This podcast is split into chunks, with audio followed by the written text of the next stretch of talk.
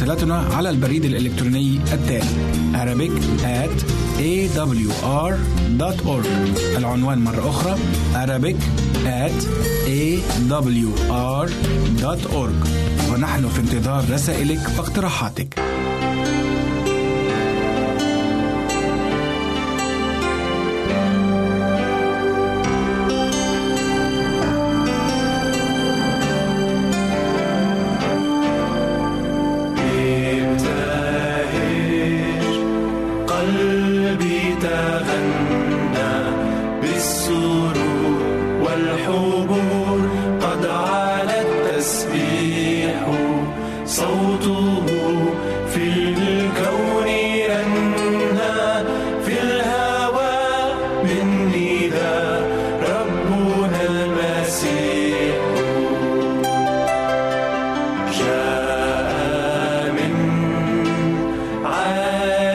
semaine.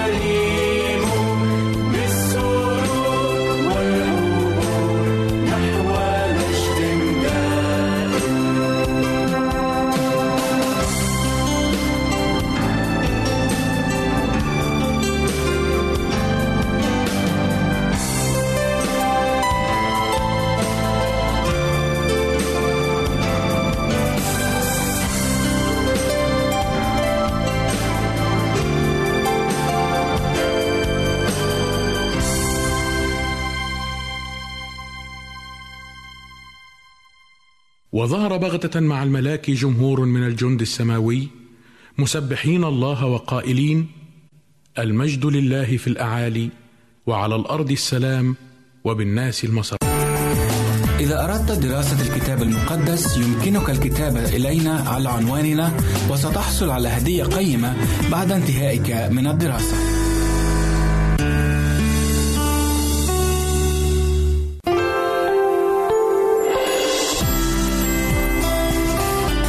هنا إذاعة صوت الوعد. لكي يكون الوعد من نصيبك.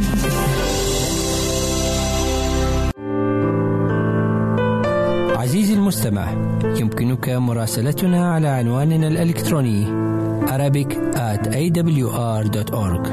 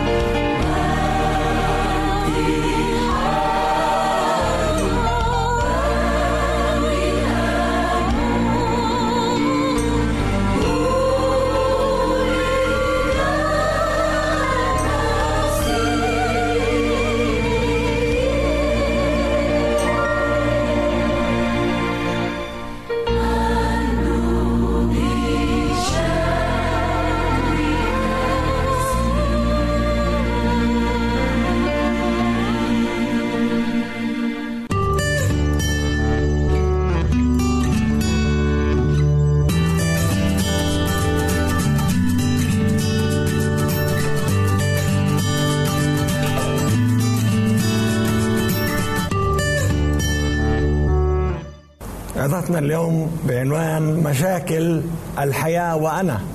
والقراءة المقدسة مأخوذة من رسالة الرسول بولس إلى أهل غلاطيا والإصحاح السادس ومن عدد واحد إلى عدد ثلاثة حيث يقول لنا أيها الأخوة إن سبق إنسان فأخذ في زلة فأصلحوا أنتم الروحانيين مثل هذا بروح الوداعة ناظرا إلى نفسك لئلا تجرب أنت أيضا.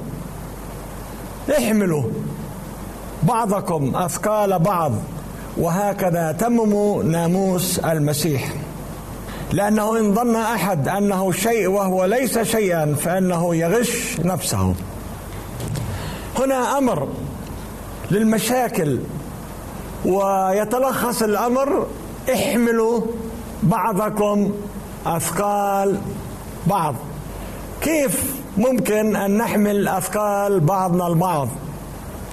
إذا واحد حامل شغلة يعني بدنا نحمل عنه ما يحمله أو نساعده بحمله بيقول هيك بتتمم الناموس الخطية جلبت نتائج كثيرة.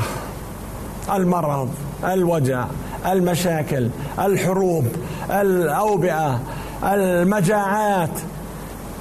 يوجد مشاكل كثيرة في عالمنا هذا. والمشاكل تزداد أكثر وأكثر. الأمراض تزداد أكثر وأكثر. على الرغم من أنه أدوية كثيرة تخترع من أجل مساعدة المرضى ولكن لا يزال هنالك أمراض لا يزال هنالك مشاكل. وهون القديس بولس بيقول احملوا بعضكم أثقال بعض. كم الخطيئة جلبت من نتائج؟ مشا... نتائج شخصية ونتائج اجتماعية وعائلية. نتائج تتعلق بالزوج والزوجة والأبناء. بالطلاق بالمشاكل التي ليس لها إحصاء. ليس لا نستطيع أن نعددها ولكن نحن آه، ندركها أن هنالك مشاكل كثيرة. ولا واحد في العالم بصورة عامة مستثنى من هذه المشاكل. ولكن السؤال كيف أستطيع أن أحمل ثقل شخص آخر وأطبق هذه الوصية احملوا أثقال بعضكم البعض؟ نتأمل في مشاكل الموت. أبونا آدم وحواء نعرف أنهم كان عندهم ولدين قايين وهابيل. وبنعرف انه الشيطان زي ما أقنع حواء تتمرد على الله أقنع قايين إنه أقتل هابيل والرب أنذره. إن أحسنت أفلا رفع وإن لم تحسن فعند الباب خطية وإليك اشتياقا وأنت تسود عليها. ولما سألوا ربنا أين أخوك؟ قال حارس عن أخي. قال دم أخوك. صرخ إلى السماء. أنت قاتل. كم حزن آدم وحواء. عرفوا إنه أجرة الخطية موت. أخ يقتل أخوه. واليوم هذه المشاكل آه، موجودة بشكل كبير في العالم. القتل. لا تخلو جريدة أو أخبار كل يوم من حوادث القتل وحوادث الاغتصاب وحوادث الخطف. حوادث كثيرة. نأخذ أيوب. أيوب كان مستمتع. رجل غني وعنده خدم وعنده سبع أولاد وعنده ثلاث بنات. والشيطان وضع عينه على أيوب وجاب عاصفة ضربت البيت اللي كانوا مجتمعين فيه. ومات الجميع. السبع أولاد وثلاث بنات. قديش كانت كارثة كبيرة؟ أثرت على زوجة أيوب وأثرت على أيوب وأيوب قال الرب أعطى والرب أخذ فليكن اسم الرب مباركا. لن أكفر بالله سأتقبل كل شيء منه. في الكتاب هنالك أحزان آه، كثيرة. داود كان انقلاب عسكري من ماذا؟ من ابنه بشلوم كان يريد أن يأخذ التاج يأخذ المملكة. إبليس يتمجد عندما يقتل. شخصيا أنا القس كميل حداد. الشيطان أيضا حاربني وقتل لي ولدين. ولد أربع سنين ونص ولد سنة ونص. إبليس يريد أن يحبط ويقول أنت مع الرب؟ لماذا الرب لا يحفظ أبنائك؟ لماذا يقتلوا؟ مشاكل كثيرة موجودة. مشاكل المرض. كقسيس خدمت 47 سنة في حياتي. قبل أن أتقاعد فيش بيت ندخله إلا هنالك مشكلة صحية. نصلي من أجل هذا المريض نصلي من أجل كذا نصلي من أجل المشكلة الفلانية. مشاكل لا تعد ولا تحصى. ماذا نفعل؟ هل نشفق على المريض؟ هل نشعر معه؟ هل نقدر أن نساعد المريض؟ طبعا الأطباء بيساعدوا بقدر استطاعتهم يعني. لكن إحنا شو ماذا وضع الرب لنا؟ وقد تكلم إصحاح كامل عن ما هذا الموضوع في متى 25 وبعد شوي راح أقرأ منه بعض الآيات. كنت مريضا فزرتموني. مشاكل أخرى تأتي علينا. بواسطة واجباتنا ومواجهاتنا مع الناس واحتكاكنا معهم.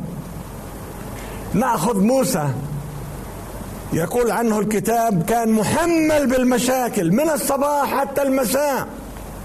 وحمه وقال له يا أخي شو حامل؟ حامل هم كل الشعب أنت. اعمل رؤساء ألوف رؤساء مئات رؤساء خمسين رؤساء عشرات. خلهم يحملوا عنك الحمل.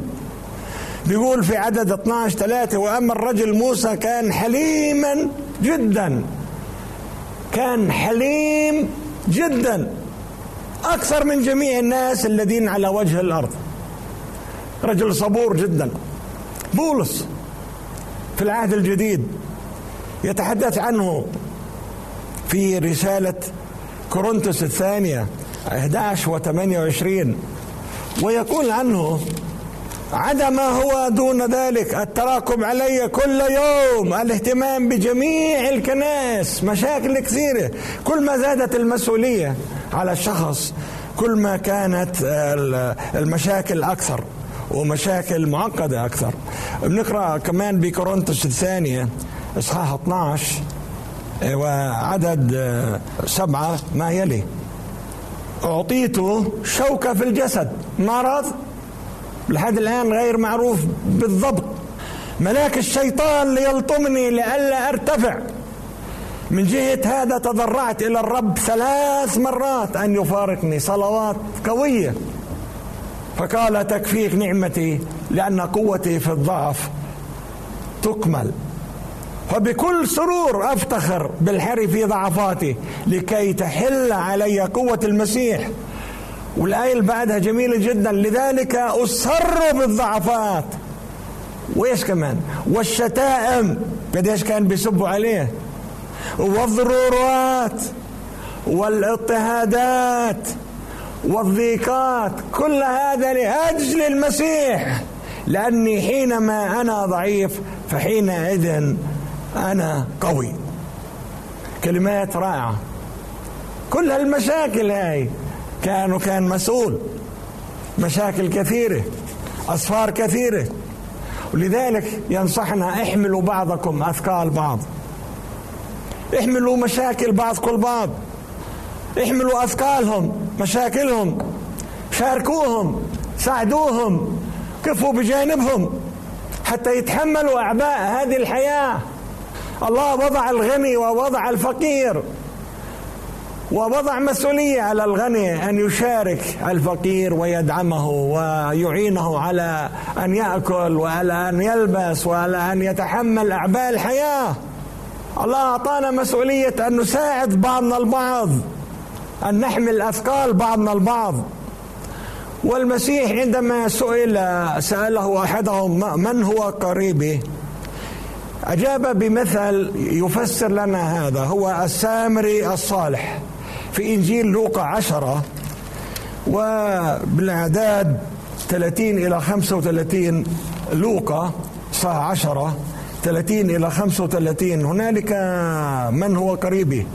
شيء حلو المسيح قال قصة إنسان كان نازل من القدس إلى أريحة وتعرض إلى سرقة إلى لصوص سرقوا تجارته عروه حتى تقريبا من ملابسه ضربوه بعد ما قاوم وكان الدم آه، ينزف وفي حالة خطرة. ويقول الكتاب أن أن رجال الدين مروا بجانبه. وهذا الإشي الذي يحيرني أنا كرجل دين إنه رجل الدين يرى شخص هكذا ولكن لا يتحرك ليساعده كاهن؟ أول شيء. وبعد الكاهن مر شخص لاوي. صبت الكهنه من اللاويين. لاوي يمر. وينظر هذا المنظر ولا يتأثر لا يحمل ثقله.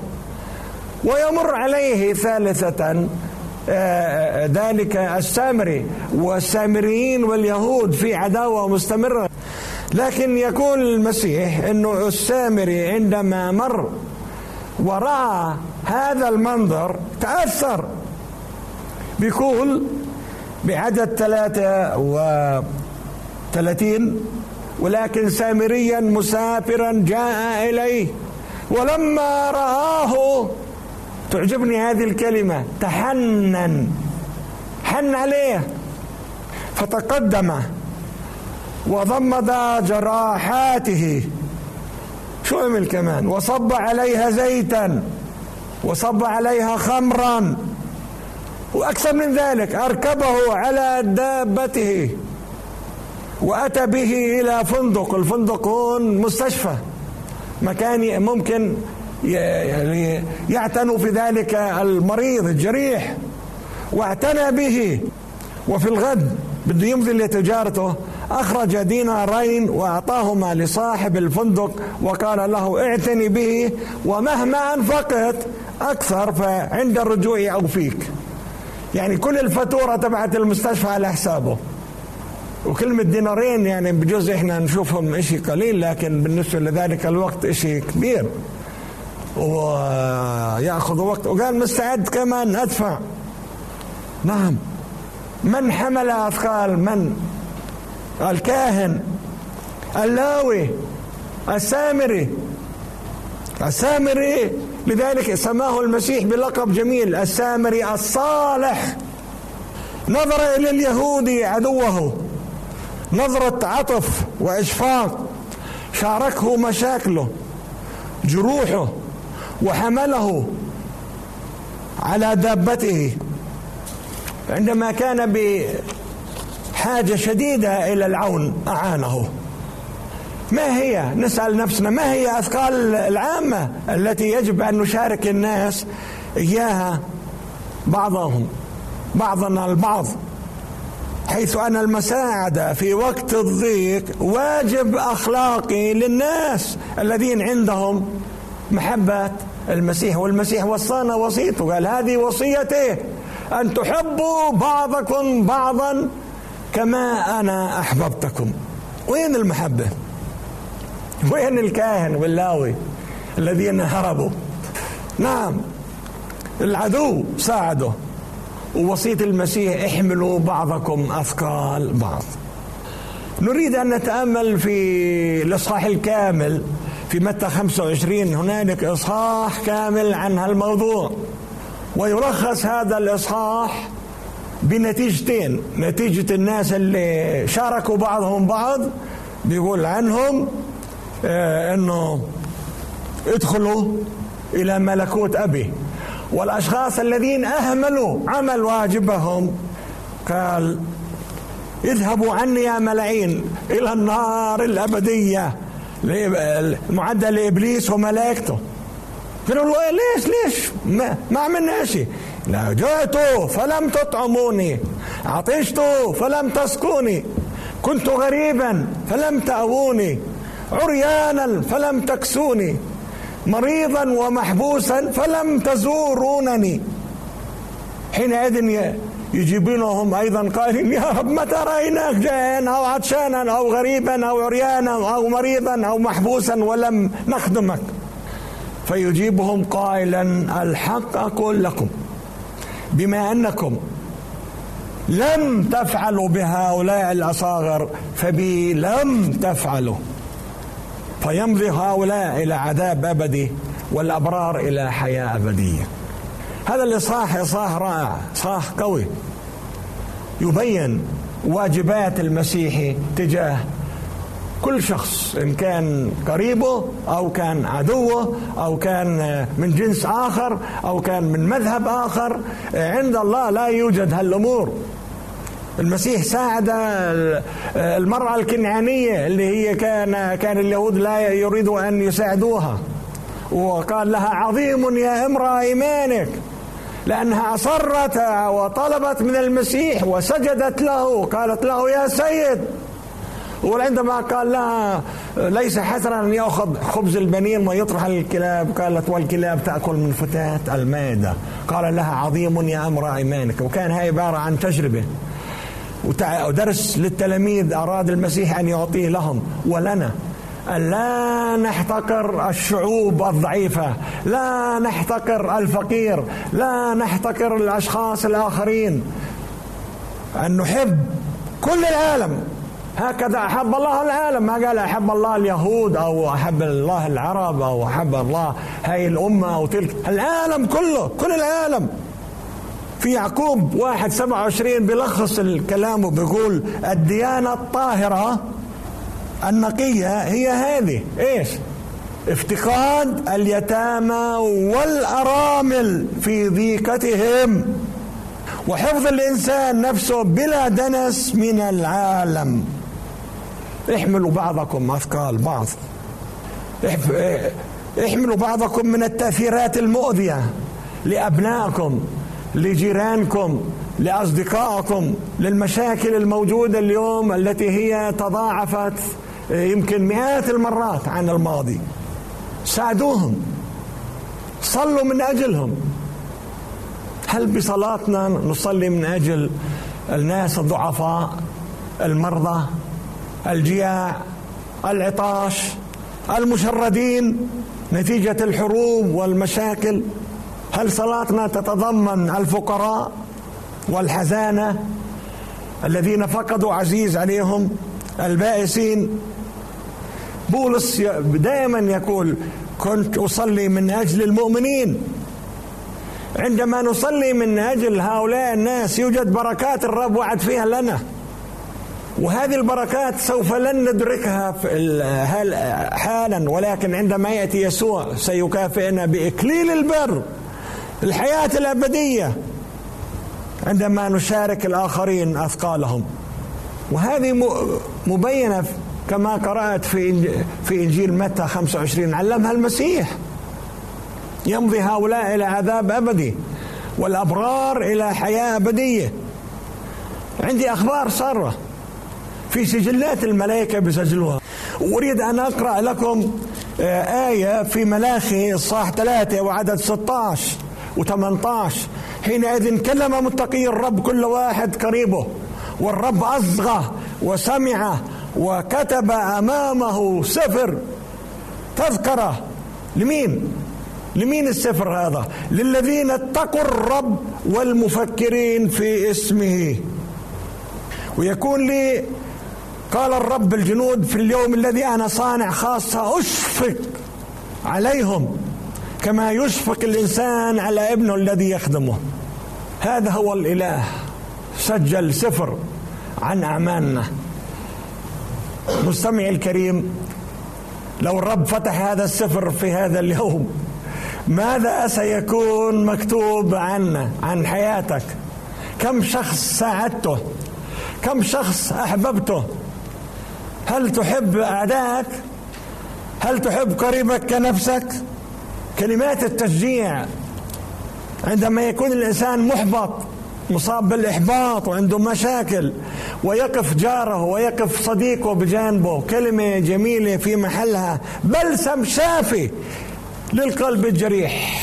هل نتحدث مع الآخرين عن المحبة كما علمنا المسيح؟ كيف نشارك الآخرين بحمل أثقالهم؟ شو القاعدة الذهبية اللي المسيح علمنا إياها؟ مثل ما تريد أن يفعل الناس بكم افعلوا هكذا أنتم أيضا بهم. هل هذا هو المبدأ المسيحي هنا هل كلام المسيح أثر على قلوبنا وعلى عقولنا وعلى حياتنا وعلى بيوتنا وعلى كنائسنا وعلى شخصيتنا؟ هل عندنا محبة؟ هل نتمتع بالمحبة. أحبوا بعضكم بعضا كما أحببتكم. أم نتطلع إلى مصالحنا الشخصية؟ أم بنشارك الآخرين أثقالهم؟ احملوا بعضكم أثقال بعض. ساعدوا. والرب سوف يجازيكم. والرب كتب سفر تذكرة. للذين يفعلون الصالحات. الذين يحبوا الأخوة الذين يعملوا كما عمل المسيح عندما عيره آه، رجال الدين. كان لا يحتاج الأصحاء إلى طبيب بل المرضى. الناس الضعفاء الناس اللي عندهم مشاكل وقفوا بجانبهم. هل نحن نقف بجانبهم؟ هل نحن عندنا عطف ومحبة تجاههم؟ صلاتي في النهاية. أقول يا رب يا إله اجعل هالكلمة تأثر في حياتنا ونغير يا رب حياتنا كليا ونحب الضعفاء ونحمل أثقال بعضنا البعض نحب بعضنا البعض نساعد بعضنا البعض الجيان نطعمهم العراة نكسوهم الفقراء نتبرع لهم ونعمل أعمال المسيح. حتى نمجد أبانا الذي في السماوات باسم الآب والابن والروح القدس الإله الواحد. آمين.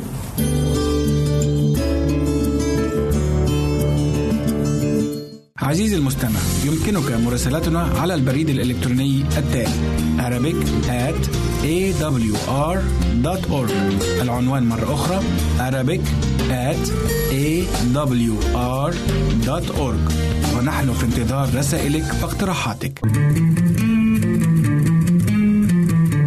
أنتم تستمعون إلى إذاعة صوت الوعي.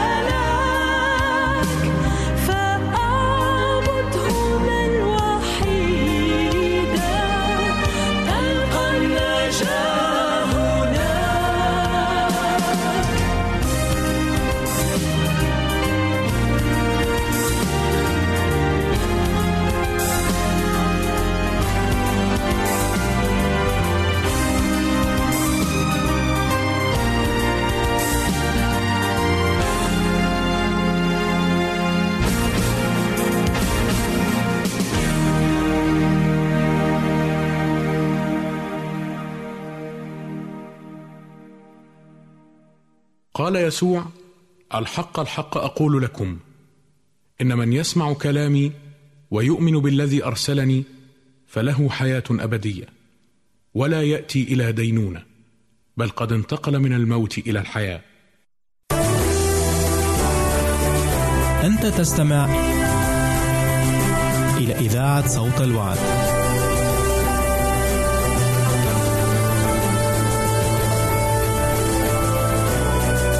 عزيزي المستمع يمكنك مراسلتنا على البريد الإلكتروني التالي Arabic at awr.org العنوان مرة أخرى Arabic at awr.org ونحن في انتظار رسائلك واقتراحاتك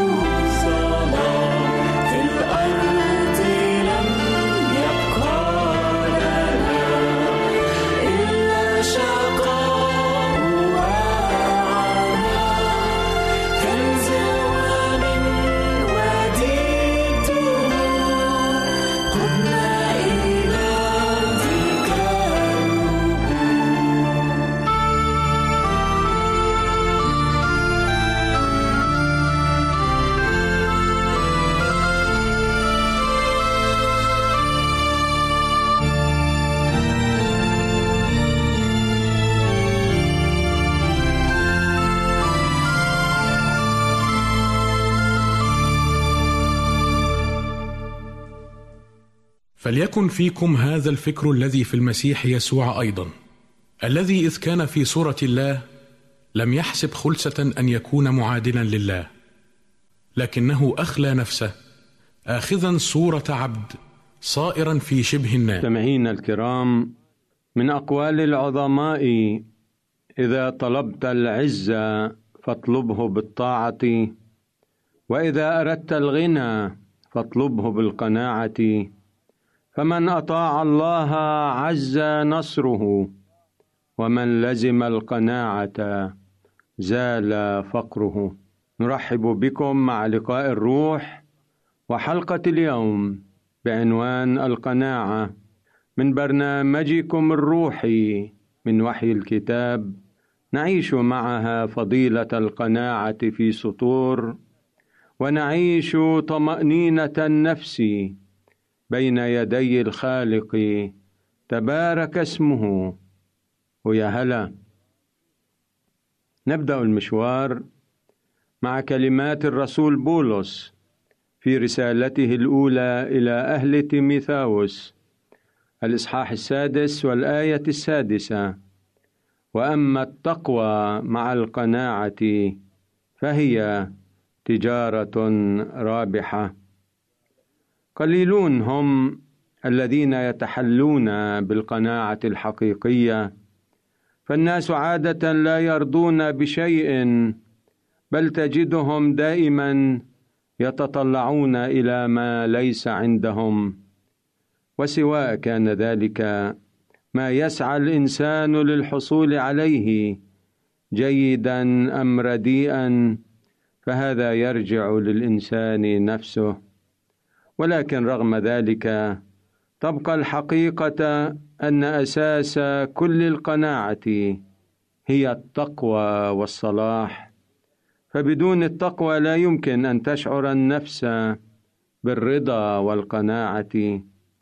ومن الناحية الأخرى فإن بعض أسعد الناس على وجه هذه البسيطة لا يمتلكون حتى ضروريات الحياة.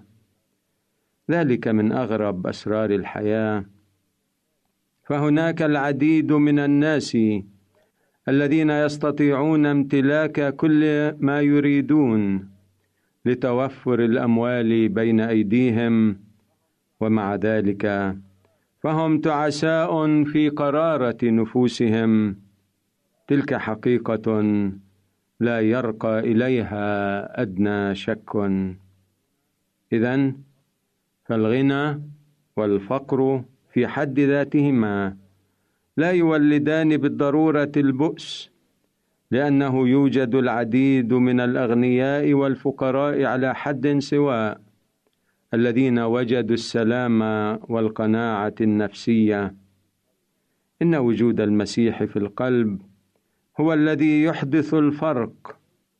قال المسيح له المجد تعالوا إلي يا جميع المتعبين والثقيلي الأحمال وأنا أريحكم. فالقناعة هي عطية من الله ومع ذلك فينبغي أن ندرك أن السلام العقلي المشار إليه في آية اليوم لا يشير إلى الرضا النهائي إذ ينبغي أن يظل المؤمن يطمح إلى التحسن روحيا وجسديا وعقليا. والآية لا تشجعنا على أن نكلل ذواتنا ونهنئ أنفسنا ونسترخي مكتفين بما أنجزناه. علينا أن نذكر دائما أن منجزاتنا مهما كانت كثيرة وماهرة فهي ليست كافية. التحذير المتضمن في الآية هو ضد التنافس في الطموحات أي الميل إلى إشباع رغبتنا لكي نكون مثل جارنا أو صديقنا. فالقناعة لا تعترض أو تعوق التقدم بل ينبغي بالحري أن تقدر الشخص على التمتع بالحياة كما هي والسعي فيها رغم ظروفها الصعبة. إننا نمضي في مسيرة هذه الحياة مرة واحدة لا غير ونحن مدينون لذواتنا أن نحياها ونموتها سعداء. هذا هو امتيازنا. والآية تؤكد لنا هذه الحقيقة وتعرفنا كيف ننجزها. هناك انفعال شديد أو قلق يصاحب عدم الرضا. تململ يبقي صاحبه دائم الحركة وجذور عدم الرضا والقناعة والتململ هي الخطية. ويوضح أشعياء النبي هذه الحقيقة بقوله ليس سلام قال إلهي للأشرار. ليتك أصغيت لوصاياي فكان كنهر سلامك. وبرك كلجج البحر. إن هدوء البحر وسكونه هو أفضل تشبيه للقديس الذي يتحلى بالقناعة ويعكس السلام في وجه حبيبه وسيده يسوع. عزيزي المستمع بالرغم مما تجلى في حياة إمام المغنين داود النبي من ضيقات إلا أنه توكل على الله بكل قواه. فاسمعه يقول في المزمور الخامس والخمسين والآية 22 هذه الكلمات ألقي على الرب همك فهو يعولك.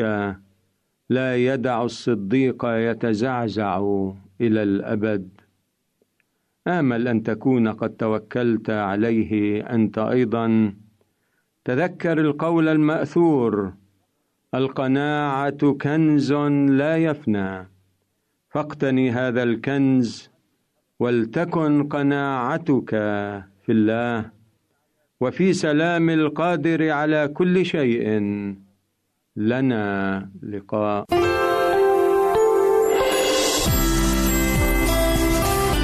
هنا إذاعة صوت الوعد. لكي يكون الوعد من نصيبك.